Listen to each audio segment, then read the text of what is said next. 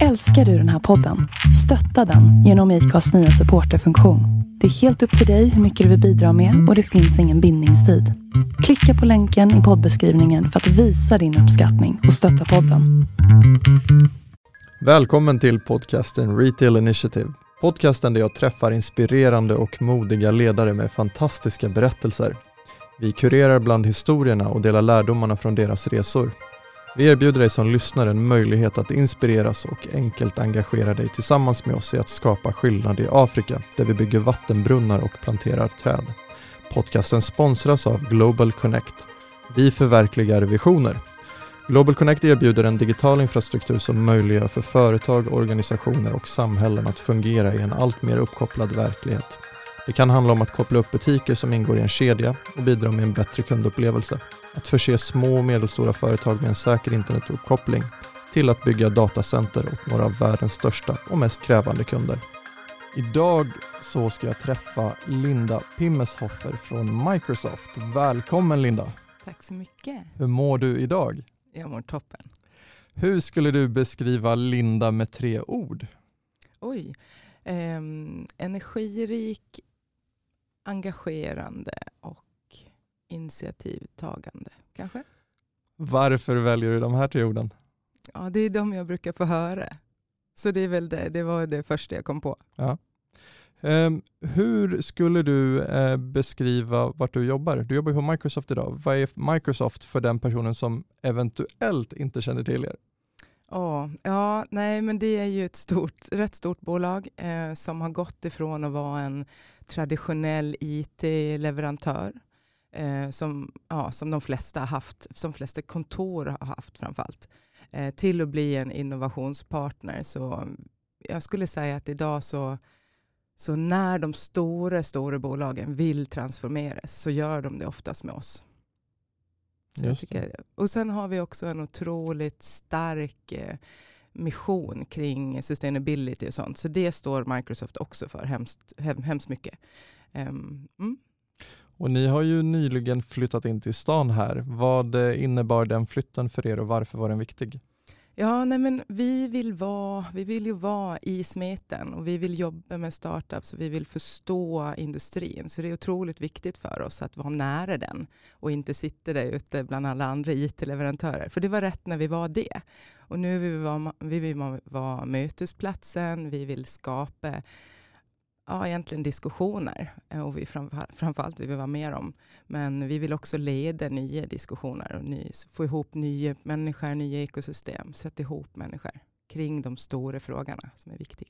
Mm. Ja, och jag tror att ni också fick pris nyligen för ert kontor. Ja, absolut. Det är ett otroligt fint kontor och det är ett annorlunda kontor för det är en mötesplats. Mm och vi bjuder in folk dit. Eh, vi har bara en tredjedel som är stängd för Microsoft och resten är helt öppen med en fantastisk barista i Boris som står och lagar och fixar schysst kaffe till alla som kommer. Så det är en, det är en otroligt annorlunda ställe.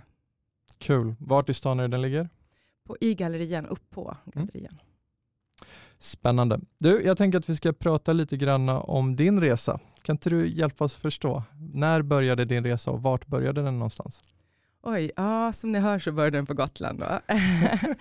Eh, och jag funderade på vad jag ville bli. Och, eh, jag visste, det är ju svår, en svår fråga för en tonåring, så jag visste mer vad jag inte ville bli. Jag ville inte bli som mamma som gick till samma kontor och gjorde samma sak dag efter dag, för att jag är en rastlös själ. Och jag vet att jag måste få utvecklas, för annars så då slocknar jag bara. Så eh, det var då jag kom på att IT, det här med teknik måste vara bra, för att den ändras ju, så då måste ju jag ändras. Eh, så det var en eh, given, rätt konstig, för jag hade inte ens en dator, men, och hade aldrig spelat datorspel och sånt, så det var hemskt nytt. Men jag hoppade på det och är så glad för det, för att jag trivs hemskt bra i den här ehm, föränderlig i världen som gör att jag får utvecklas hela tiden. Så vad studerade du då? Då började din resa på? Ja, jag, har system, jag är systemvetare och civilekonom, så jag har dubbel examen, vilket gör egentligen att jag kanske inte jag, jag började som kodare, så jag har byggt uh, BI-system. Liksom. Men jag Så du kan koda? Jag kan koda, ja. Eh, men jag upptäckte rätt snabbt att jag går mer igång på vad man gör med tekniken än själva tekniken i sig.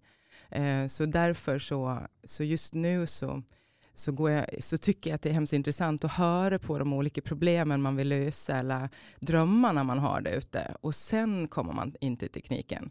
Eh, det, då tycker jag det är roligast. Inte börja med så här, tekniken, om man får en teknikfråga bara vad ska vi göra med HoloLens som är en teknisk pryl från Microsoft. Då tycker jag att det är mindre tråkigt än om de pratar snarare om, okej, okay, men om vi pratar om framtidens kundupplevelse när man inte har fysiska butiker, hur ser det ut? Så det är två olika sätt att se på samma egentligen fråga. Man kommer till tekniken sen. Mm. Det är mm. den som är enablen, men det är inte den som är liksom själva lösningen. Man kan, för att komma på rätt lösning måste man först börja med problemet. Mm. Ja, det tror jag att du och jag delar vissa tankar. Eh, efter dina studier, då, vart hamnade du först? Mm, först hamnade jag på en, en vanlig konsultbyrå. Så, eh, så jag byggde verkligen BI-system för att ta rätt beslut. Så värdet av data och information förstår jag ju rätt snabbt där. Eh, och eh, nu med tekniken som har utvecklats så kommer den ju in ännu mer med mer data, smartare system, automation kring insikterna och allt man kan göra med data. Så att jag älskar fortfarande värdet av data. Eh, och i retail är det ju superviktigt. Eh, men eh, ja, eh, sen så blev det mer och mer lösningsarkitekt och eh, till slut så eh, fick ja, Microsoft egentligen upp ögonen för mig, varför jag jobbade som en partner. Eh, och sen så flyttade jag över till de stora spelarna. Kul. Hur länge har du varit på Microsoft? Sju år nu. Kan du inte berätta lite om din roll? För den har också varit lite unik. Ja, men precis. Jag fick en, en möjlighet att, att, få en lite så här fri roll på mittfältet kan man säga. Microsoft gick ju från att vara den här IT-spelaren och ville komma in och bli mer relevant Eh, och det gör man ju inte bara genom att man bestämmer sig, utan då måste man ju agera på det. Och det man gjorde då var att skapa sådana industrispecifika roller som, som just eh, ska förstå industrin och prata ett annat språk. Inte prata teknikspråket, utan prata affärsspråket och träffa affärsledarna och se vad de vill göra för att sen mappa in det i teknikspåret. Um, och då är jag, har jag ju varit ansvarig för retail just och jobbar nära med våra svenska retailers för att förstå vad de gör. Men även hela vår eh, amerikanska organisation som har gjort det här lite längre än vad vi har gjort i Sverige för att se vad gör man där. Vad gör man med Walmart och Starbucks och de här stora kunderna. Och se hur det appellerar på Sverige. Men sen har vi ju sett också Kina komma som en så bomb i den här marknaden. Så också att se vad gör man där med tekniken. För de är så mycket längre fram i tekniken. Och vad, vad kan vi anamma och vad ska vi inte anamma? För vi är olika såklart, det är olika marknader. Men just det här att förstå industrin och sen komma in i tekniken, det är det unika med min roll istället för att man kommer från det tekniska hållet. För det är ju det som är Microsoft i vanliga fall.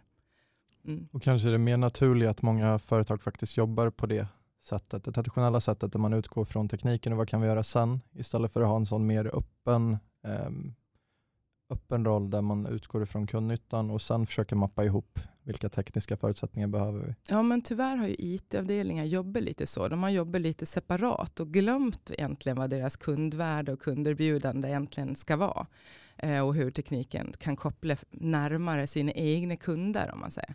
Så mitt fokus har varit kundens kund och mm. börja där och sen gå tillbaka till kunden. Eh, men det är inte så lätt för att många företag ser också Microsoft som någon som bara IT-avdelningen ska prata med och de pratar inte det här. Så att det har ju varit eh, nya dörrar öppna och nya event att vara på som man inte riktigt eh, har varit på förut. För att få folk att förstå vad Microsoft faktiskt kan och vad vi vill. För när vi krokar arm med en, med en annan spelare, och lyssna på deras problem och deras drömmar och appellera våra möjligheter, då kan vi, komma, då kan vi göra jättebra grejer. För, ehm, för det är kanske så, vi ska göra nya saker, sånt som inte finns. Så vi måste komma på det tillsammans. Det handlar om ett samarbete och kroka arm och inte bara vara den här leverantören som bara tar beställningar. Liksom. Vad har du då gjort för att jobba på det sättet? Det vill säga, det är en ganska unik roll också i Sverige oavsett, eh, oavsett eh, typ av leverantör, alltså att ni jobbar på det sättet. att Minns första gången vi träffades och du berättade kring ja, men, vad ditt uppdrag går ut på, att du faktiskt vill koppla ihop olika företag för att lösa problem i ett, i ett större sammanhang. Vilk, hur, har det varit svårt eller på vilket sätt har du faktiskt kunnat nå ut till stora detaljhandlare eller retailers? Kan du berätta någonting kring det? Ja, nej men det handlar ju om att skapa ett förtroende först eh, till de här människorna som inte ens förstår varför man är i rummet. Eh, men, och där, med den bakgrunden jag har och de öronen om man säger, som, som snabbt kan förstå vad de säger fast också appellera möjligheter, så, så skapar man förtroende rätt fort. Och när man också då kan visa att vi är här för att göra och inte bara för att prata, ehm, då, mm, då får man det där samarbetet rätt snabbt. Och nästa samtal när de funderar på någonting får man faktiskt, eh, då lyfter de luren och så, så kan man få vara med och bolla. Och då blir det ännu bättre. Så att man kommer närmare och närmare varandra. Men i början får man ju såklart vara vara lyhörd och, och bevisa att man, att man kan och förstår och att man faktiskt kan, kan göra saker. Så jag hade ett samtal med en, en svensk vd för uh, Clas Olsson faktiskt. Svensk vd, hade precis signat, han är inte kvar nu. Men, men och då och, och det var en sånt, ett sånt samtal. Ha, jag vet inte varför jag tar den här tiden med dig, men, men jag gör det. Och då pratar vi om, om framtiden för just Clas Olsson och hundra år till. De, hade, de firade hundra år då. Eh, och hur man ska överleva hundra år till. Och, och, bara de frågorna som, vi, som jag kunde ställa mig, ja, men vem är kunden och de där som, som de kanske glömmer bort. För de, de säger från insidan. Det är enkla frågor egentligen man ska ställa sig för att hitta de här svaren. Eh, fick liksom de diskussionerna som vi hade och bara ta jätte jättestora steg åt helt andra håll. Eh, med nya, nya butiker, nya typer av butiker som möter en annan typ av kund och tjänster som möter en annan typ av kund. Och så så det, det, det blir hemskt intressanta dialoger när man öppnar upp, eh, men man måste våga ta dem. Liksom. Kul att du nämner. Fredrik kommer vara med i podden längre fram. Är det sant? Vad kul! um, Om vi tänker på retail, för retail känns lite grann som din hemmamarknad. Det känns som att det är det du är otroligt kunnig inom. Eh, du nämnde Walmart, du nämnde att ni jobbar med retailers i andra regioner också. Finns det några specifika kundcase eller retailers som du tar med dig eh, som ni har antingen arbetat med eller som du har varit i kontakt med på något sätt som sticker ut, som är värda att lyfta? Ja, men jag, jag måste ta vårt, vår svenska liksom, stolthet nästan ändå. Eh, det finns jättehäftiga case i USA, absolut. Men, men där tycker jag att man, man så på ett sånt briljant sätt har anammat tekniken. Absolut med steg, bara för att man försökte först i början och köra som, som man gjorde alltid förut och så har man förstått att ja, men vi är ju till och med organiserade fel. Um, och egentligen började man med att förstå att ja, men, i den digitala världen så är vårt kunderbjudande fel. För det var mycket convenience, man vill ha butiker nära, nära oss konsumenter och eh, to a low price. Och, och, och det står ju e-commerce för idag. Så redan där fick man liksom så skruva om och bara, vad ska vi vara i framtiden för att vara framtidens kundval? Och, ehm, och det, nu, har, nu, går man ju som, nu går man med sustainability först. Man vill leda hela modeindustrin för att bli mer cirkulär. Och det kan bara de här stora spelarna. Det är inte så många som kan säga det. Och de jobbar verkligen åt det hållet med allt de gör nu.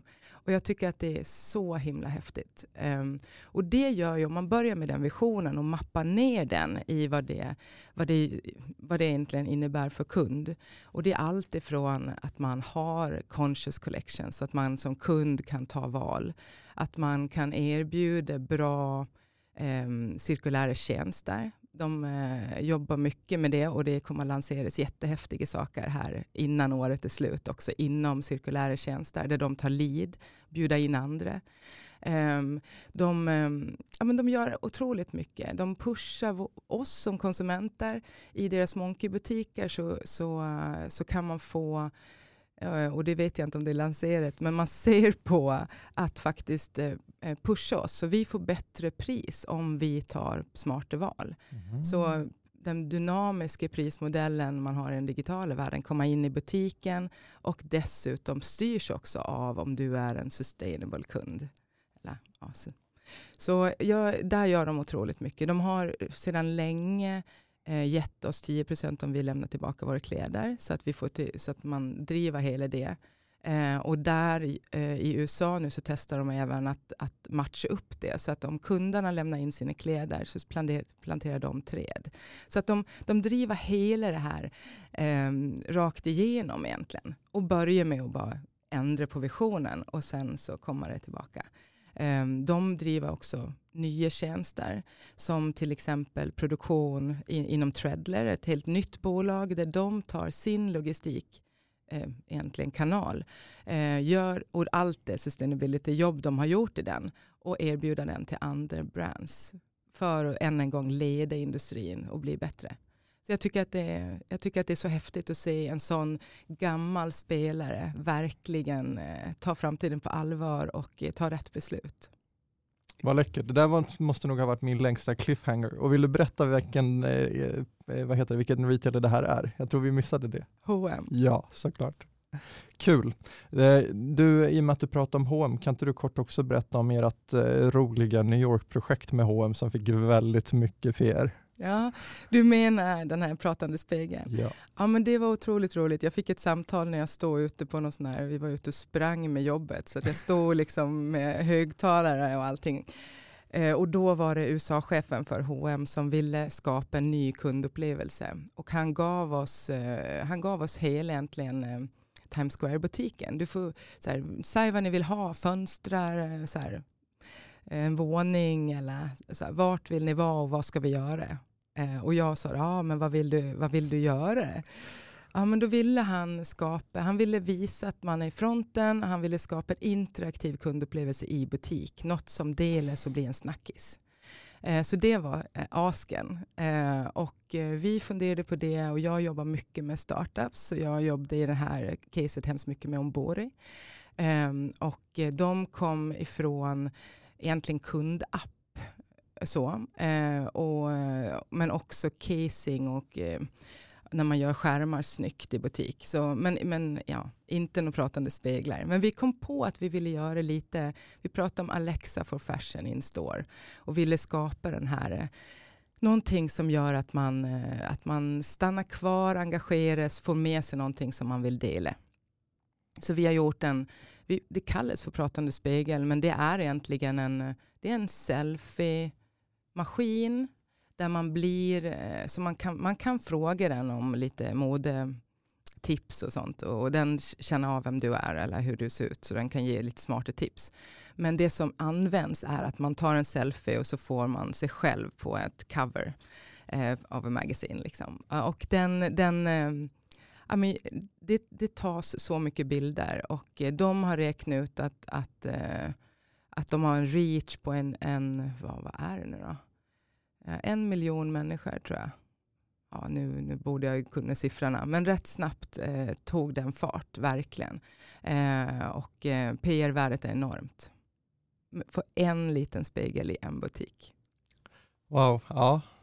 Det var eh, som sagt, den var överallt ett tag när den lanserades. Eh, och när du beskriver egentligen funktionaliteten så kanske man inte tycker att den är wow, men när man tänker på vad den löser för problem och, och framförallt vilket värde den adderade för kunden och kundens kund så är det rätt intressant vad som händer. Och framförallt det jag tycker det jag tar med mig det är att man inte börjar med att vi faktiskt ska ha någon form av teknik eller att vi ska sätta in någonting utan man börjar med att se okej, okay, vi vill skapa någonting.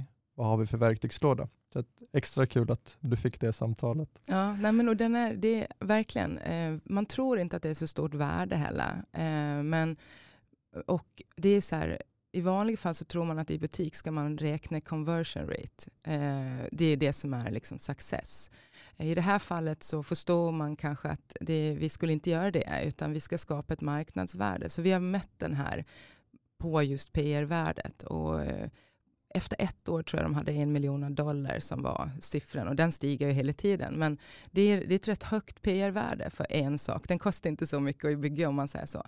Men så när man hamnar rätt där så, så kan man verkligen få stort värde. Mm. Men man måste veta vad det är man ska mäta.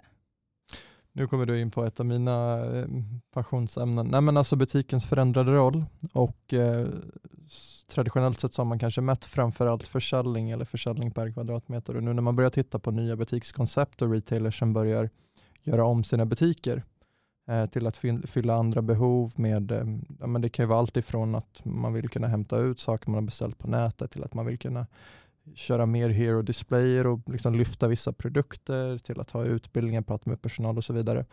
Och Då förändras ju även de KPI som retailerna kanske börjar mäta från butik. Hur länge interagerar man i butiken? Hur många kommer in i retailerns kundklubb eller i retailerns värld? Som du var på kring den här, skapas det till och med content i butiken? Vad är det värt? Eh, så att eh, det är en väldigt spännande tid och många som ställer frågan kring vad händer nu under pandemin med retail. Det har ju varit för väldigt många ganska tufft. Men det finns också ett par exempel som har varit helt fantastiska att följa där man ser att de har använt pandemin som en accelerator till projekt som de e- egentligen hade på sin bucketlist eller det här ska vi göra när vi har tid men nu blev tvungna. Så att det är en fantastisk tid där man verkligen tar man sig tiden att se hur löser vi kundens problem och vad skulle kunden kanske vilja ha så eh, är konkurrensen idag mindre i och med att de flesta faktiskt kämpar för sin överlevnad. Ja, Nej, men att verkligen förstå att just checkouten, den, kan man, den, den behöver man inte göra i butik. Det, redan där så gör man ju fel idag. Rätt många eh, har två olika kopior. En som handlar om vad man handlar i e-commerce och den andra vad man handlar i butik. Och det ska inte spela någon roll alls, för det handlar om att man ska handla av dem. Um, så redan där måste man ändra sig. Uh, och sen just att förstå vad butiken ska vara, om den inte ska vara ett ställe där vi bara ska handla. Vad ska den vara då? Och då tycker jag att H&M gör så bra att man tänker faktiskt att den ska bära ut de värdena som man står för. Det är en marknadsföringskanal också. Det är en dyr marknadsföringskanal, men det är det. Uh, och om man tänker på vad marknadsföring i sin, sin tur ska leda till, det är ju att få nya kunder. Då är den helt plötsligt billig. För att få nya kunder på, i den digitala världen, det kostar jättemycket pengar. Men där är fysisk butik faktiskt billig. Så, att, så det är otroligt intressant, även när man mäter värdet, att eh, fysisk butik är där för att stanna, det är inget snack om saken. Vi vill ha det, det är billigare för en, en, en fysisk retail att få nya kunder. Och det är där man kan bygga det här liksom relationen till kunden och det är det som är det, det är det man måste göra. I bruset, I bruset i den digitala världen är det jättesvårt att eh, sticka ut. Men i den fysiska världen kan man det, men då måste man förstå att man måste gå ifrån det här stället där man bara ska handla. Mm. För det bygger ingen relation till oss. Eh, så det är, det är en otroligt intressant förändring eh, nu. Och eh, det är få som, som eh, på riktigt skapar den här upplevelsen tycker jag, som, som man vill ha. Vi, vi pratar om den hemskt mycket. Eh, men, eh, och vi har sett massa kaféer och sånt. Men frågan är hur mycket hur mycket, liksom, om, alla, om alla retail ska ha kaféer, vad ger det egentligen? Och hur, jag, så, jag var på någon sån här sportbutik i USA där det var ett café med bara massa junkfood. Det, det bär inte ut något värde alls. Det var ju jättekonstigt. Liksom. Så det är ju det, man måste förstå vilka värden man faktiskt ska bära ut, bära ut dem i en typ av upplevelse. Tycker jag. Mm. Nej, helt klart. Du, apropå brus och sådär, eh, om man tänker på hälsa, både fysisk och eh, mental hälsa. Eh, mm. Vad betyder det för dig? Hur, hur ser det ut för dig? Ja, men det betyder massor. Jag är en idrotts, ifrån en idrottsfamilj med en eh, styrkelyftare som pappa och en orienterare till mamma. Så eh, idrott sitter, liksom, sitter djupt. Eh, så fysisk hälsa är allt tycker jag. Men det sitter ihop med mental hälsa. så om man, om man tar hand om sig själv och hittar lugnet och balansen i allt så, så blir livet mycket roligare och lättare att leva. Så jag, jag tycker att det är grunden skulle jag säga. Um, Vad tränar du för något? Jag tränar friidrott med Mattias Sunneborn. Så vi gotlänningar hänger ihop. Så jag spenderar hemskt mycket tid på Bosön. Mm. Och hur, ehm, om man tänker på mental hälsa, mm. gör du något särskilt eller vad innebär det för dig? Hur reflekterar du eller samlar kraft? Ja, nej, men jag är en naturmänniska Eh, Eh, så min eh, morgonpromenad där längs med en sjö i Täby eh, ger mig jättemycket. Ibland tar jag snarare på mig löparskorna också för att det ger mig, då får man två i ett. Men, ja, men de där stundarna, stundarna för sig själv. Ehm, och mm, det är superviktigt, verkligen. Eh, och det har ju den här tiden som vi har nu när vi sitter hemma, den har ju faktiskt hjälpt där att man får ännu mer tid. Man kan börja dagarna med, med en morgonpromenad. Det är ju guld värt. Mm. Mm. Um, om man tänker så här, hur ser du på förmågan om att lära om eller lära nytt? Om man pratar just kring reskilling. Vad innebär det för dig? Um, ja, men den är intressant. Hela jag eh, handlar ju om, om, det och jag drivs av det. Uh, hela min energi kommer ifrån att få lära mig nytt egentligen. Så den, för mig kommer den helt naturligt. Men eh, jag tycker i samhället idag att det är rätt att man måste, om man är en sån, så måste man hitta rätt organisation som också har det mindsetet. Och det, vi kallar det för growth mindset på Microsoft och vi har det verkligen. Men jag jobbar med rätt många företag när nästan som har en inställning att inget beslut är bättre än ett felaktigt beslut, vilket inte riktigt, alltså det är klart att det inte är uttalet, men det känns som det. Så folk har blivit lite rädda för att göra, bara för man är rädd att göra fel. Eh, och det är ju helt alltså, förödande i den här världen när man måste komma framåt eh, och man vet inte vem som Alltså, det, det, är inte en på toppen, den som brukar ta beslut om man säger, som är den som kommer på idéerna. Så funkar det inte idag. Utan man måste kunna ta upp de här idéerna som kommer från organisationen och Annars så är man rökt skulle jag säga i framtiden. Så jag tycker att det är superviktigt, men det är, det är superviktigt som individ att och, och eh, ha det drivet. Det tycker jag de flesta har idag. Men, men det är ännu viktigare att organisationerna anammar det och eh, vattnar de här individerna och deras idéer och vilja att utvecklas.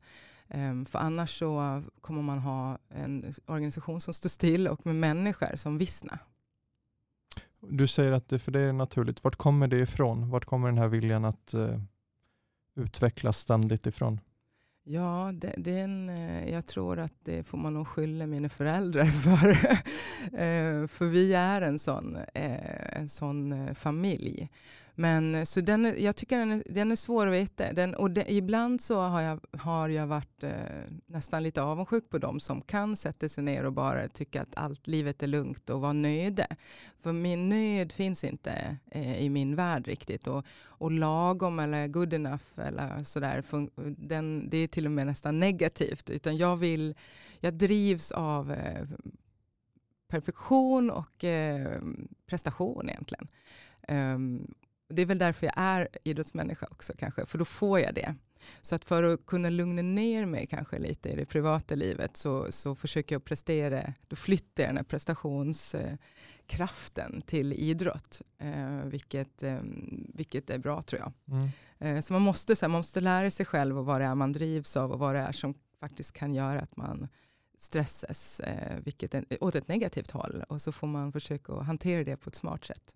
Ja, för det, det vi säger egentligen, alltså, vi vill ju att man ska bli lite mer snabbrörlig i sitt tänk, att man ska kunna komma vidare med nya idéer, tankar, projekt, att det inte behöver vara perfekt. Att det är okej okay att det är good enough så länge det faktiskt finns en, en röd tråd och ett problem det löser. Men å andra sidan som du beskriver så försöker du hitta utlopp för din perfektionism i idrotten. Tolkar jag ja. det rätt? Ja, men faktiskt. Eh, och, och, lite så här, det, att göra är, bett, det är bra. Eh, så man gör, man agerar eh, och sen så lär man sig och sen tar man nästa steg. Så eh, det här med att planera och gå för perfektion direkt, det är inte rätt väg att gå. För, för att man vet inte. Och det är det som är så häftigt med den här, fram, den här ja, när utvecklingen går så fort. Att det finns liksom ingen karta det finns ingen att ta rygg på. Man måste gå först på olika sätt och testa, kolla med sina kunder vad som funkar och lära sig och göra igen. Um, det är ju det är ett annat sätt att tänka på. Förut så planerade vi en utveckling i år. Och så tre, år, ja, ja, tre år senare kom det på marknaden. Det går ju inte. Det går inte ens med ett halvår idag. Ehm, och framför allt inte, nu ska man ju göra nytt hela tiden. Så du måste göra nytt hela tiden. Så får man se vad som, vad som funkar eh, och vad det blir. Så eh, mm, ett, ett nytt sätt att tänka.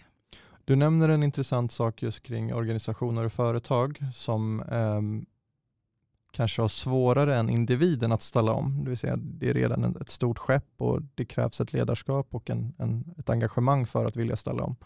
Ehm, utöver Microsoft såklart, kan du nämna några andra exempel på företag i Sverige eller utomlands som du tycker är väldigt duktiga och har blivit mycket mer growth eller mycket mer agila eller mycket mer eh, snabbrörliga? Um, mm, snabbrörliga, jag vet ju aldrig var det kommer ifrån de här idéerna men sådana som gör saker och får saker att ske, det finns absolut. Jag, den första jag tänker på nu är nästan um, Kjell Company som nu i covid-tider verkligen har ställt om och testat nya saker men, men gör det med samma värden. Så om man ser på vad de står för, nu är inte jag då kanske en stor kund men det jag ser att de står för är att de har trevlig personal som kan mycket Eh, och som älskar att hjälpa kunderna. De är alltid glada och trevliga och, eh, och har en service liksom, som ett kunderbjudande på riktigt. Och nu i covid-tider så har de ju gjort det i den digitala världen med live-shopping. De har, de har en till många så att, så att de, de sänder nästan tv eh, ifrån butikerna. För de som inte haft något att gjort men har all den här kunskapen, eh, spela in helt enkelt och sända. Och sen kan man också få kundmöten på det sättet så att eh, de kan serva kunderna lika bra fast i den digitala världen. Och det är genialiskt. Det är samma värdeord eh, fast de gör det i den digitala världen. Eh, och det, det, krävs ju att man, att man liksom snappar upp de här idéerna och möjligheterna istället för att lägga sig ner och tycka att livet är lite jobbigt. Just det. Just det. Så det är en bra, jag tycker de är bra. Jag tycker också väldigt mycket om Kjell Company. Duktig detaljhandlare. Um, om, vi, om vi går över då eh, till entreprenörskap och framförallt för dig som har varit i stora organisationer, om man kanske tänker entreprenörskap, men eh, på vilket sätt är det viktigt för att driva utveckling, både i samhället men även då inom vår bransch? Ja, men det, det, är ju, liksom, det är ju i kundmötet och i, i själva Eh, den dagliga verksamheten som, som de som jobbar ser möjligheterna på förbättring. Eh, och om man har en avdelning som ska hålla på med innovation bara, eh, som inte är ute och möter kunder eller eh, jobbar på lager eller så, då kommer ju innovationen vara missriktad och oftast så ser man att då börjar den med teknik. Så att det kommer en ny teknik och sen säger man så här, ah, vad ska jag göra med den här prylen? Och sen utvecklar de någonting som, som businessen i fråga bara ser ut som ett stort frågetecken när de får ut. Bara för att den löser egentligen inget problem. Men det är en jättecool pryl. Um, så, och, så det måste man komma ifrån. Hela organisationen måste börja ha örat mot rälsen och lyssna på dem där ute som har problem som kanske IT då kan lösa eller som faktiskt till och med har lösningar och, och förslag på lösningar. Eh, men det är svårt och vi ser organisationer testa och testa överallt men det här att få ut något på riktigt verkar vara hemskt svårt. Och om man ser också en stor, vi kan ta H&M som exempel, som, ehm, de har jobbat med innovation på olika sätt. De började försöka göra det på IT Eh, och sen så skapade de en stor organisation som hette Business Development som skulle vara mellan IT, eller som är mellan IT och businessen som skulle hålla på med innovation. Eh, och, och, de har gjort saker, absolut, men, men, eh, men kanske de har testat mer än vad de har fått ut. Eh, och det som håller, man, eh, håller en tillbaka är oftast all legacy man har och alla, ra, alla ramar man måste hålla sig inför. Eh, och innovation ska inte, ska inte vara begränsad. Så nu så jobbar man, nu, har man, nu startar man startups kring de här nya idéerna. Eh, och eh, det har ju, då har det tagit fart på ett helt annat sätt. Så man måste förstå att man kan, det är svårt att skapa innovation från insidan. Det är mycket lättare från utifrån och det blir ännu lättare om man också samarbetar med andra. Eh, och det är också svårt när man är verkligen inne. Eh, så att det här samarbetet skulle jag säga är eh, A och O idag och det gör ju också att ledtiderna kortas. Så om man bara vet vad man vill åstadkomma så förmodligen är det någon som har gjort något liknande. Och då kan man pussla ihop olika tekniklösningar till att lösa sitt problem. Så gör man unika pussel istället för att bygga unika lösningar. Eh, men det krävs ju att man tänker om, för traditionellt har man ju ville byggt allt själv. Vi, vi kan själva, vi är unika, vi gör själva. Eh, men man, nu, nu skulle jag säga att det är dags att titta ut utanför jobba utifrån och in istället för inifrån och ut för att nå innovation. Och nu gjorde du en snygg övergång till nästa som är ekosystem. Varför blir det viktigt? Varför? Du nämnde såklart att det finns säkert många andra som redan gör det man önskar kunna göra själv idag. Men utöver det, vilka andra fördelar ser du med att flera går ihop för att faktiskt både driva utvecklingen men lösa kundens problem? Ja, men jag skulle säga, det, det är allt det här med att, att, eh, att sam, alltså, själv är inte starkast och bäst. Det vet vi ju. När man går in i en grupp människor som, som har samma driv och vill lösa samma saker men med olika erfarenheter så blir ju lösningen bättre. Eh, det vet vi och det är därför som vi, vi tror på gruppdynamik och eh, samarbete. Eh, så i ett community om man, om man samlas kring till exempel retail och retails kundupplevelsen, framtid eller vad som helst. Och så tar man in allt ifrån olika kunder, små och stora, eh, och med olika teknikleverantörer, lite startups. Och det är klart att det blir bra. Alla de mötena blir bra. Eh, och om man då har ett pågående, eller en pågående diskussion hela tiden så kommer det komma in folk som löser de här problemen som man har sett som ett gap. Eh, som, och då blir det de här stora hoppen i utvecklingen istället. Så jag tror verkligen på det här att, att jobba i ett community kring, kring ett ämne som, ja, som är öppet så att alla kan komma in eh, som har idéer och tillsammans kan vi bygga mycket bättre lösningar än vad vi kan göra separat idag. Så jag tror att ett plus ett kan bli fem eller femton liksom, istället för eh, det traditionella. Så att, eh, ja, jag, jag gillar verkligen community och i min roll så försöker jag och driver det starkt. Just det. Och framförallt, alltså en sak är ju att man eh, ser sina kunder som kund, men att se sina konkurrenter som partners, det steget känns ju mycket större för många och framförallt traditionella och inom, som du vet, inom teknik, inom IT. Man, vill, man kanske har velat historiskt sett att äga kunden helt och hållet själv. Märker du med de ni jobbar med att det faktiskt pågår en förändring, att, att många bolag ställer om för att å ena sidan kan det vara rädsla att vi kommer tappa hela vår affär, men å andra sidan börjar man förstå att ett plus ett faktiskt blir mer. Ja, det, det är olika. Det är en mix där ute. Men, eh, men absolut, och det vi ser är också att, att eh, eh nu ser vi ju retailers också bli återförsäljare till andra. Om vi tar exemplet H&M bara med Treadler som är deras logistik, som har varit deras en stor konkurrensfördel för dem. För det är det som gör att de kan hålla låga priser och så. För de har kunnat jobba upp en sån fantastisk leverantörsflora där ute.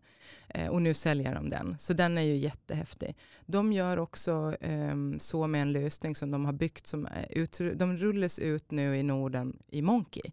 Eh, och det är för att bygga en mer interaktiv kundupplevelse i butik och även eh, driva den här, eh, ett, ett, nytt beteende. Så att det, är en, det är en dynamisk prissättning, alla Pokémon Go eh, också, eh, lite gamification, super eh, engagerande. Eh, och nu så säljer de den till andra retailer. Så att de, de bygger konkurrensfördelar fast de ser det som ännu viktigare att eller de ser det som en ny möjlighet att faktiskt driva business och sälja den till konkurrenter. Dela med andra. Ja, och det, det är intressant. Och just de här frågorna, okej, okay, Gäller det alla andra retailers eller är det bara några som ni kan tänka er som kunder? Och så? För det här är ny mark för dem också. Eh, men, men jag tycker att det är häftigt att se och i USA så gör ju Kroger precis samma Just sak det. med sina digitala mm, lösningar. De har gjort rätt många. Mm. Eh, så de löser sina egna problem först och sen paketerar de lösningen och säljer den. Eh, och det är jättehäftigt att se. Och det är verkligen, det är, ja, det är verkligen ett nytt sätt att se på det hela. Mm, just det. Du, eh, om man tänker på emotionell intelligens, jag tänker i den digitala eran nu så eh, blir allt mer automatiserat. Vi har allt ifrån digitala assistenter till att faktiskt robotisera delar av verksamheter. Hur viktigt blir den emotionella intelligensen? Vilka kvaliteter ser du att vi individer behöver utveckla och varför? Ja, den är, den är superintressant i, som du säger, i den digitala världen och även i retail. För att när vi pratar om, om den fysiska butiken skulle jag säga, deras, deras styrka är ju människorna i butiken eh, och vad de, vad de eh, kan tillföra. För det är de som möter kunden och det här kundmötet som vi kanske inte traditionellt har fokuserat på så mycket utan traditionellt har vi sett de som jobbar i butik mycket att de ska checka ut oss och ta betalt eller vika kläder. Det handlar ingenting om kundmöte. Och, eh, och de där uppgifterna kan, man, liksom, det kan tekniken göra idag. Både de sakerna egentligen beroende på hur, hur vi bygger butiker i framtiden. Eh, så vad ska de, vad blir den nya rollen? Och det blir ju det här kundmötet och det blir service, det blir att lyssna in eh, och eh, ja, helt enkelt eh, bygga de här fantastiska kundupplevelserna. För jag skulle säga när man pratar om kundupplevelse. Att när, när jag går ut i en butik och känner så här, gud det här var ju fantastiskt, då är det ju sällan en, en, en skärm jag pratar med eller en robot eller så, utan det är ju en människa. Det är ju oftast en människa som gör den här, att man, som skapar den här känslan i magen som gör att man pratar med andra om, om just det, det mötet. Eh, för möten med människor, det är det som berör oss mest. Eh, och eh, ja, jag skulle säga att det säger allt. Så mm. det är mm. viktigt att, att tänka på det. Och det är viktigt att, ehm, att förstå att, eh, att man har två öron och en mun. Eh, och, och, och utnyttja det på det sättet också, skulle jag säga. Just det. Jag tänker parallellt med att butikens roll då förändras så borde personalens roll också förändras till det bättre. Om man tänker på alla tekniksatsningar och investeringar som görs så skulle jag säga att majoriteten av dem har varit för att förbättra för kund förhoppningsvis. Men att väldigt få har handlat om att faktiskt ge möjligheter och förmågor till personalen i butik. Du har ett väldigt bra annat exempel. Jag vet att vi pratar mycket H&M idag, men kan inte du berätta lite grann om butiken på Karlaplan och det projektet? Ja men absolut. Ehm, det, det, var, det är ett roligt projekt. Eh, det gjorde man också från insidan eller sådär, på ett nytt sätt. Att man satte en, ett SWAT-team som skulle jobba med framtidens butikupplevelser och hur ska den se ut egentligen. Ehm, och så såg man på den butiken i Stockholm som kanske gick sämst. Eh, fast trots att den ligger i det området där man har en rätt köpstark publik. Så man förstår att det här borde man ju kunna göra på ett bättre sätt. Så, så då man tog den butiken, stängde ner den och så har man egentligen gjort två saker. Eh, det ena är att man analyserar kunden och sett vad vill den ha. Vad, vad handlar den? Den handlar inte i den här butiken för den här butiken går dåligt men den handlar på oss eller hos oss. Eh, och så då tog man också bort eh, gränserna emellan sina olika brands så att man analyserade vart köper kunden saker från oss, från hm gruppen eh, Och det man också gjorde var att ehm, man såg till vilka verktyg behöver de som jobbar i butiken för att göra det här kundmötet. Så det som finns där idag, eh, det är en butik som har ett sortiment som matchar kunden. Det finns lite home, det finns lite weekdays, det finns lite av varje. Eh, det gör att det är en hemsk inspirations, alltså det är en trevlig butik att gå in i. Om man är den kundgruppen såklart. Eh, men framförallt så har man jätte jätteengagerad personal. Får man märka det på personalen. De älskar att jobba där. Om man pratar med dem så vill de inte jobba i någon annan hm butik som inte har de här verktygen. För de har möjlighet att serva kunden, de har möjlighet att svara på alla frågor eh, och, eh, och det, det engagerar dem. På riktigt. Och det är jättekul, jag har till och med jobbat där. Superroligt. Men det här är intressant, för utöver då, det är den butiken på Karlaplan, mm. uh, utöver att det finns ett café i butiken också, så finns det ju en hel del teknik men som inte är kundriktad. Kan Nej. du inte berätta lite? För Jag minns att det var ju ett av de första exemplen i Sverige där jag faktiskt liksom såg ShyTech på riktigt. Jag vet att vi skrattade och pratade om det. Det vill säga, vilken typ av teknik blir viktig för retailen, för kunden utan att den faktiskt där behöver gå emot varandra? Ja, Nej, men jag tycker den är hemskt, eh, just showtech och hightech, de två, det är otroligt intressant att prata om. För showtech är all ära, men det är marknadsföring mer än något annat. Och den här hightech, det är den som på riktigt eh, ger en kundupplevelse skulle jag säga. För det är den som, det är den som ger eh, de som jobbar eh, möjlighet att svara på dina frågor. Svara, finns den här i någon annan butik i närheten eller i en annan färg eller till och med beställer till dig om det inte finns inne minne. Eh, det, det, är den tekniken också som gör att du kan få saker och ting hem, levererat snabbt. Eh, så, så den är ju den är guld värd. Ehm, det är också den som gör att, att, ehm, att de som jobbar i butik kan ha tid för dig istället för att jobba backoffice med, med massa admin. Ehm, så så den, den gör den stora kundupplevelsen skulle jag säga. Men, men ibland glömmer man bort den. Får man tänka så här, teknik i butik, ja det är skärm och pratande saker och så. Eh, och, och, det kan man också ha om det är rätt teknik, om, om man har det liksom varumärket så att man ska andas teknik och, och high tech då är det jättebra. Men om man ska lösa problemet att inspirera kunder till sin nya stil eller hitta eh, en present till sin fru eller man eller så, ja, men då kanske det är att prata med en människa som kan svara på frågor och hjälpa dig, kanske en bättre kundupplevelse. Eh, så att jag tycker det är superintressant med att prata just high tech. Mm. Eh, för I den här butiken kan de, kan de kan hitta varje plagg i butiken. Eh, och det är ju, ni förstår ju, det är, för det är ju en stor det är ett stort problem i en butik för kund men även för de som jobbar i kund. Ja, vi ser att varan finns här men vi, vi vet inte vart den är. Det är ju ingen bra kundupplevelse. Ehm, så de kan lösa allt det där. De kan, de kan lösa hemskt mycket för dig. Just det, just det. Och det är intressant att se faktiska use case med RFID-taggar på produkter och med eh, detektorer i taket och så vidare. Och så vidare. Ja. Och Det är extra kul, jag läste häromdagen också att man nu kommer rulla ut på lite bredare front de här självutcheckningskassorna som man har testat ut i Täby. Mm. Um, jag minns när jag såg dem för första gången då, kanske var ett och ett halvt år sedan, två år sedan de började med det projektet. Ska vi börja handla kläder på samma sätt som vi checkar ut, alltså handlar mat? mat. Ja. Uh, men uh, som sagt, det är en beteendefråga och hela den här pandemin har också accelererat, som vi pratade om innan, vissa beteenden. Det blir naturligt. Ja, men också just eh, det, alltså, att inte ha kontakten där. Egentligen just checkouten är ju inte ett stort kundvärde. Det är ju innan man handlar, när man bestämmer sig och när man ska hitta som egentligen det stora kundvärdet är. Um, men samtidigt så ska ju checkouten vara, det ska finnas olika möjligheter beroende på vad man vill. För mm. om man är en sån som inte vill hålla på själv så ska det finnas en möjlighet att få hjälp med det också. Mm. Uh, och egentligen kanske det ska ske helt automatiskt i framtiden. Uh, så att man egentligen bara faktiskt kan gå ut när man mm. är klar.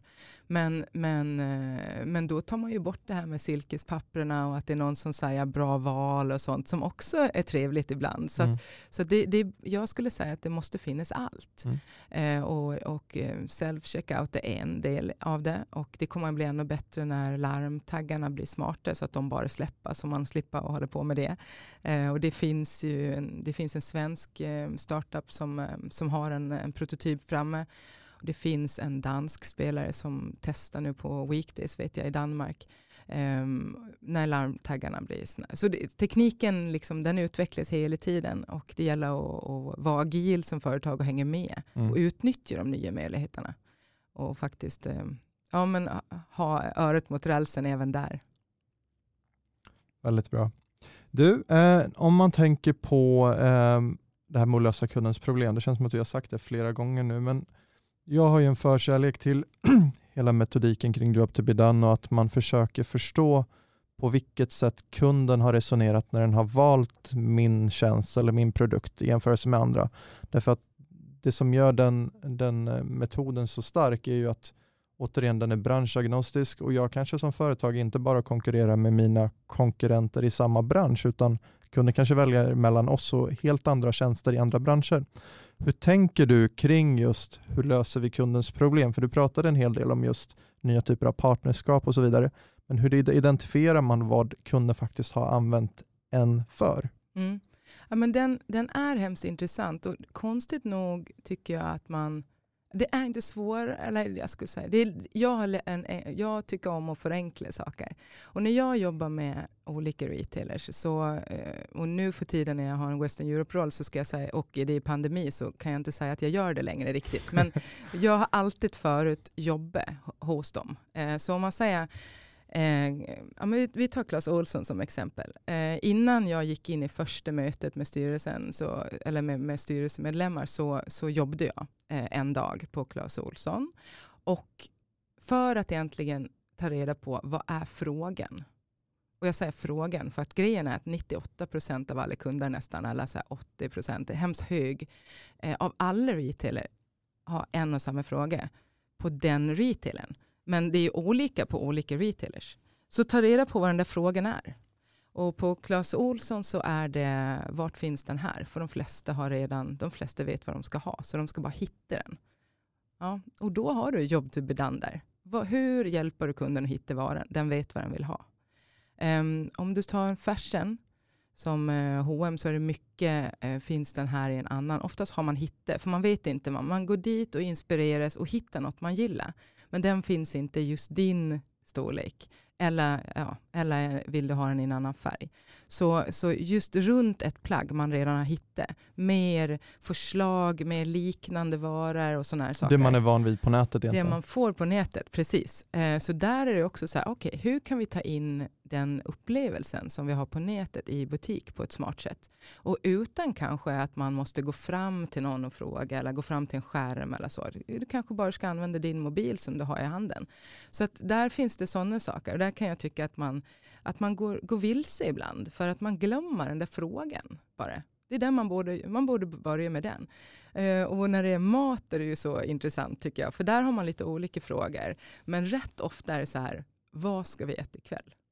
Alltså, det är inte jättemånga som, eh, som, eh, som idag, i, i en storstad i alla fall, gör de här veckohandlingarna och ska ha de här jättemånga recepten och man ska ha en smart eh, lista och sådär. Utan oftast är det vad ska vi äta ikväll? Mellan 60 till 80 procent har jag fått lära mig. Mm, precis. Har inte bestämt sig. Nej, dagligen. och då är det ju så här, ja men hjälp mig då. Jag har det här hemma. Vad kan jag göra av det? Eller du brukar, jag brukar säga det att jag är inte en sån som vill ha massa nya recept. Jag vill ha någon som ser vad jag redan köper, för det är det jag tycker om. Och sen gör något recept på det. För jag vill gärna äta något annat, för jag är rätt trött på mina olika sallader.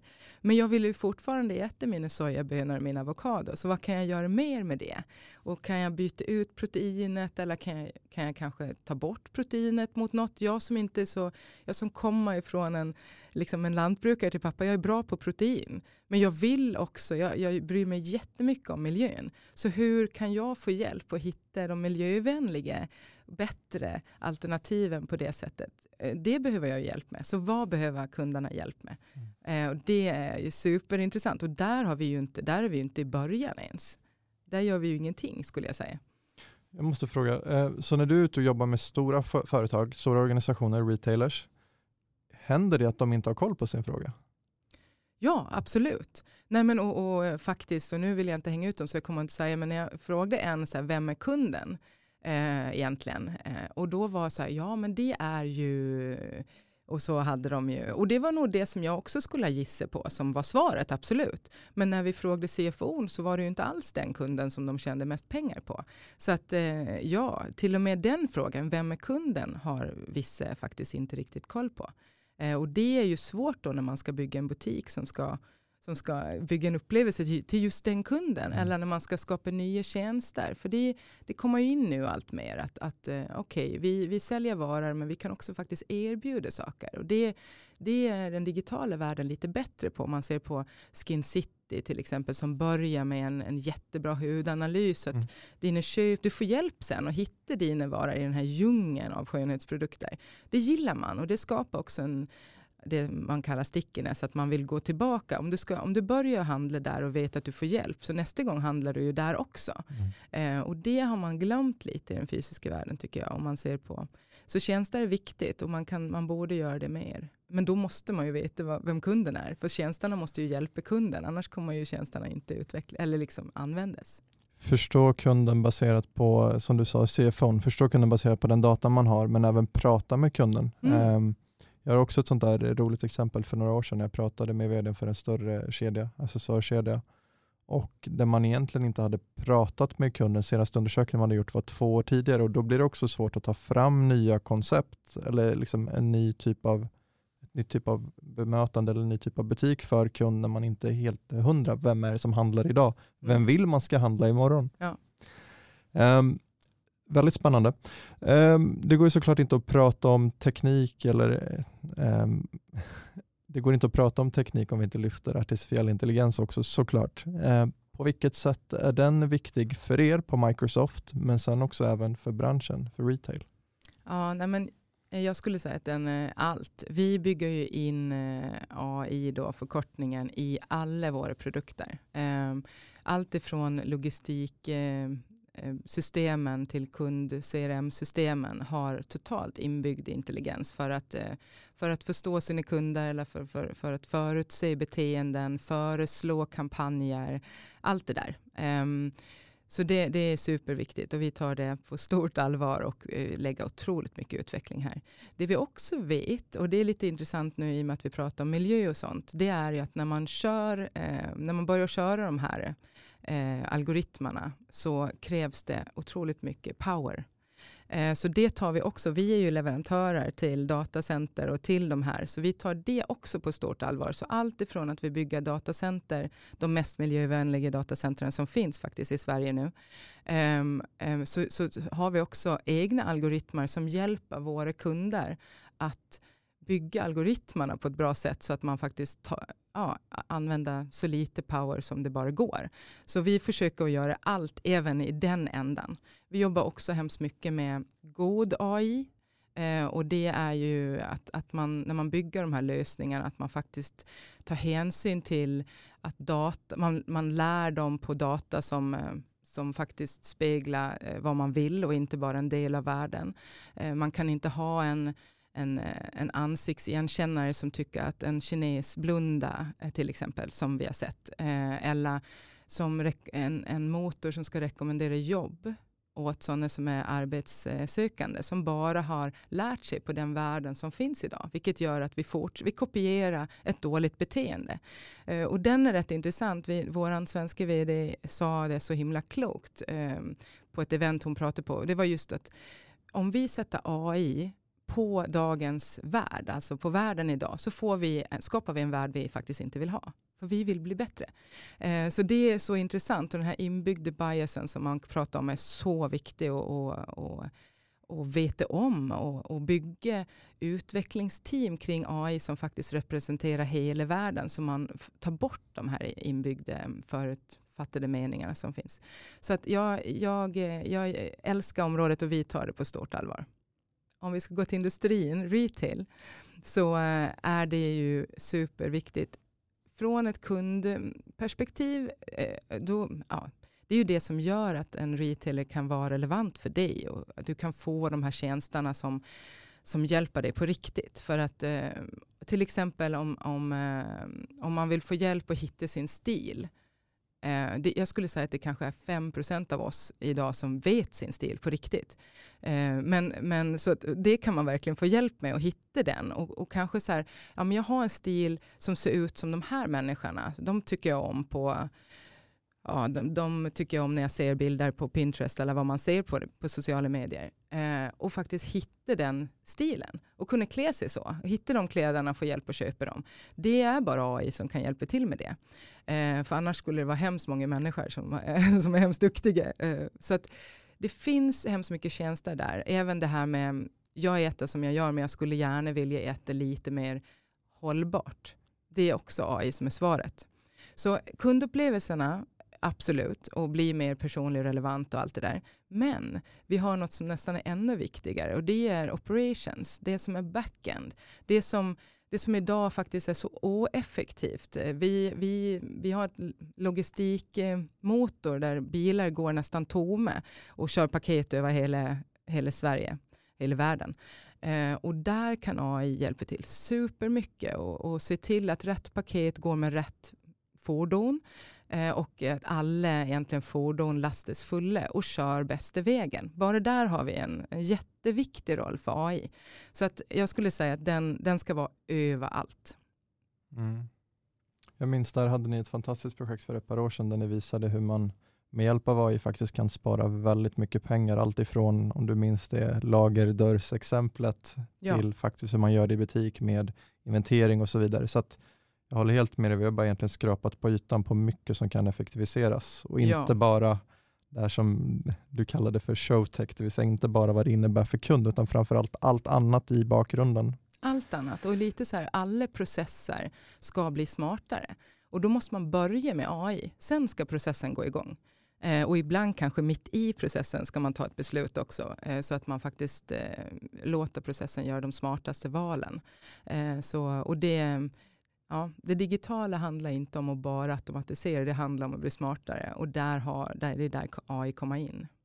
Du pratade om god AI. Jag vet att ni har ju, Daniel hos er är väldigt duktig och ute och driver samtalet inom just AI och god AI och etiken inom AI. Men om man vänder på det då, ser du några faror med AI? Eller exponentiell, ja. exponentiell teknologi överlag? Ja, men det, är fint. det är ju det är en sån otroligt kraftfull motor så det finns ju massor av faror. Eh, och om vi bara tar det som är så uppenbart om, om de självkörande bilarna som kommer att bli verklighet så är det ju så att det, det sitter ju faktiskt människor och beslutar om hur de här bilarna, vilket val de ska ta. Eh, när, när till exempel vi har en, en mamma med barnvagn som går över vägen och till höger har vi barn, en lekplats och till vänster så, ja, så är det en annan bil. Så vad, vad ska bilen ta vägen? För den kommer inte kunna bromsa i tid. Eh, och det, det, är ju, eh, det är ju skrämmande eh, faktiskt. För det, det är utvecklare som sitter där. Med, för vi har inga lagar idag riktigt. Eh, så det här med att tekniken går lite fortare än våra lagar, det ser jag som en stor risk. Eh, att det finns starka spelare, och vi är ju en av dem, men det finns spelare som faktiskt egentligen har en affärsmodell som handlar om eh, att ha en smart egen sök till exempel. Eh, tjäna pengar på annonser. Eh, och, och, som äger hemskt mycket data. Så det finns liksom sådana krafter. Eh, och jag säger inte att, de, att någon är ond, men det finns krafter som man måste veta om. Eh, och, eh, och jag ser en liten risk i att man faktiskt är lite för ovetande och naiv idag. Och man, man bara kör på. Eh, och där ser vi ju hur det kan gå om vi ser på Kina som är ett exempel när AI har tagit över världen, liksom, eller landet. Mm. Eh, och där man faktiskt eh, kan få riktigt stora problem om man bara råkar gå över rött ljus, för då får man liksom en stämpel och, man, och det finns i alla system. Så, så um, ja, vi, det är en, eh, jag tycker att, att det är bra att se på Kina faktiskt, i vad, när det går fel så kan det, eller ja, vill man ha det så, Eh, så kan man styra eh, hur mycket som helst. Men man måste ha med sig lagar och regler och man måste eh, tänka lite sunt också. Mm. Och framförallt hur ska länder då, för det här blir ju en fråga just kring lagstiftning, det blir en fråga kring etik, det blir en fråga kring beteende. Men ah, hur tänker du, hur ska länder faktiskt försöka speeda upp eller snabba upp de här processerna? Därför att tekniken kommer inte stå still, företagen kommer inte att sluta och göra det de gör vad behöver vi från politiker eller vad behöver lagstiftarna faktiskt göra? Ja, men jag, jag, jag, ehm, vi jobbar hemskt mycket med EU, för de är på den här. Liksom. Och, och, eh, och jag hoppas att ehm, hela med GDPR och allting som är ju en skyddsmekanism mot, eh, mot vår egen data och sånt. Det, det är bra initiativ, det är underbara initiativ. Och jag hoppas att det kommer fler sådana. Ehm, jag blir lite besviken varje gång man är i Almedalen till exempel. Eh, när, vi, när vi ser att vi som, som spelare är de som pratar om god AI och det är inte politikerna som tar upp de ämnena. För de, de är inte på bollen och det tycker jag är eh, mm, eh, synd faktiskt. Eh, och i, mm, det, det, finns en, ett, det finns ett ansvar, någon måste ta bollen, någon, någon måste ta lead. Och det ska inte vara någon av oss eh, spelare, för vi kan inte vara helt liksom, eh, ja, vi är ju vi är en del av spelarna. Så det måste vara någon annan, skulle jag säga, utifrån som tar lead på den här. Den är lite för viktig. Mm. Det låter som du sträcker ut handen, så är det någon politiker som faktiskt vill ta tag i den så vet ni vem ni ska kontakta. Ja, precis. Du, om vi kommer till Impact då, eh, vilket är en, en grundsten i hela det här retail-initiativet och podden. Eh, på vilket sätt är att göra skillnad viktigt för dig och på vilket sätt eh, ser du att ni gör det eh, där du är idag eller branschen tar ett ansvar och gör skillnad? Mm. En ganska stor fråga. Det är en jättestor fråga och eh, jag tror ju att eh, små bäckar kan bli, eller ger stora. Jag tror att en vi kan inte göra allt, men vi kan göra lite och det, hjäl det, det hjälper. Det visar vägen och, eh, och en del saker kan göra stor nytta. Eh, man vet aldrig. Eh, så att göra grejen. Ehm, jag tycker att det är jätteviktigt. Det är superviktigt för mig och jag skulle aldrig kunna jobba på ett bolag som inte tar det här på allvar. Och jag tror också att vi ser det Eh, i ja, hela industrin eller hela vårt samhälle i alla fall. Att vi, vi, eh, vi vill jobba på bolag som tar miljön på all, allvar men även vi vill handla av företag, vi vill handla av retailers som också tar miljön på allvar. Eh, så, så det, och jag är så stolt över att det har blivit så. Så är det inte i alla delar av världen. När vi går ut och säger vad vi har gjort med H&M och hur häftigt det är så tycker en del att det är jättekonstigt. Vi hade en, en amerikanare som sa när vi pratade om eh, att reuse, alltså mm, second hand, eh, har blivit så stort här. Och att vi, en, vi vill se våra retailers ta en, en, en position där och hjälpa oss och, och, och handla second hand men även att sälja second hand. Eh, och då, då sa han, amerikanen, bara, men jag förstår inte vem som vill ha mina gamla jeans. så, så där är de inte riktigt eh, ännu. Eh, så, den, så, vi, så vi ligger långt i framkant i Sverige och det är superbra. Eh, det är synd att vi är så små, men jag tror att vi kan eh, höras tillräckligt så att vi kan göra en impact i resten av världen, för det är viktigt. Um, ja, det, det, är viktigt på alla plan, verkligen. Mm. Um, avslutningsvis när det kommer till ledarskap, um, hur eh, leder du dig själv och vad är bra ledarskap uh, för dig? Oh, det är en eh, superbra fråga. Um, jag är lite för impulsiv. Jag skulle vilja att jag leder mig själv lite bättre ibland. Um, men jag drivs av passion uh, och, uh, och, och, och jag låter mig göra det. Um, Däremot, det gör att jag måste vara i en organisation med en ledning som, som eh, accepterar det. Um, för mycket ramar, för mycket, för mycket struktur um, gör att jag blir vinklippt.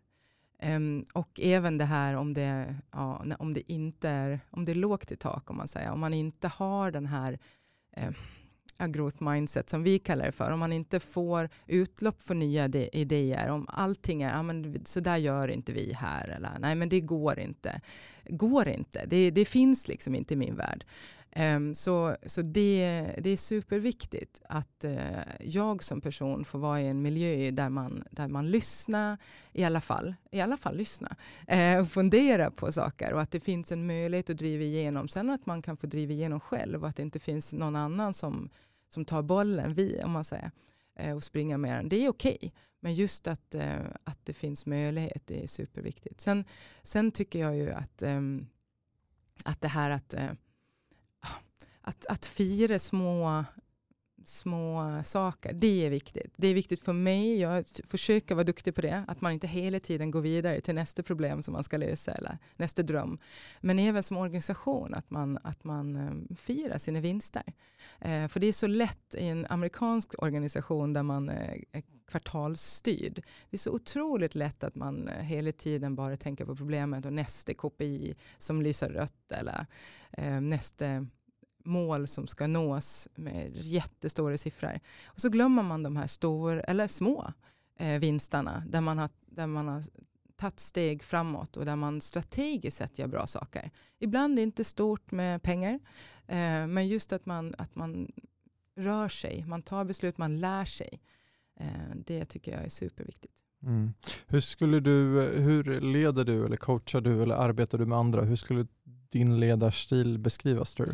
Ja, jag är en sån som eh, visar med goda exempel.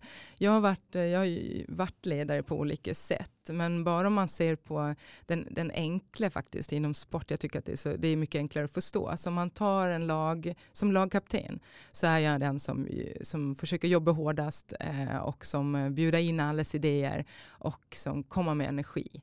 Eh, och så är jag och jobbar med också. Jag är en sån som verkligen eh, Ehm, eh, vad, vad, säger man, man, eh, man är nere med händerna Kavlar i gröten, kavlar upp armarna och gör.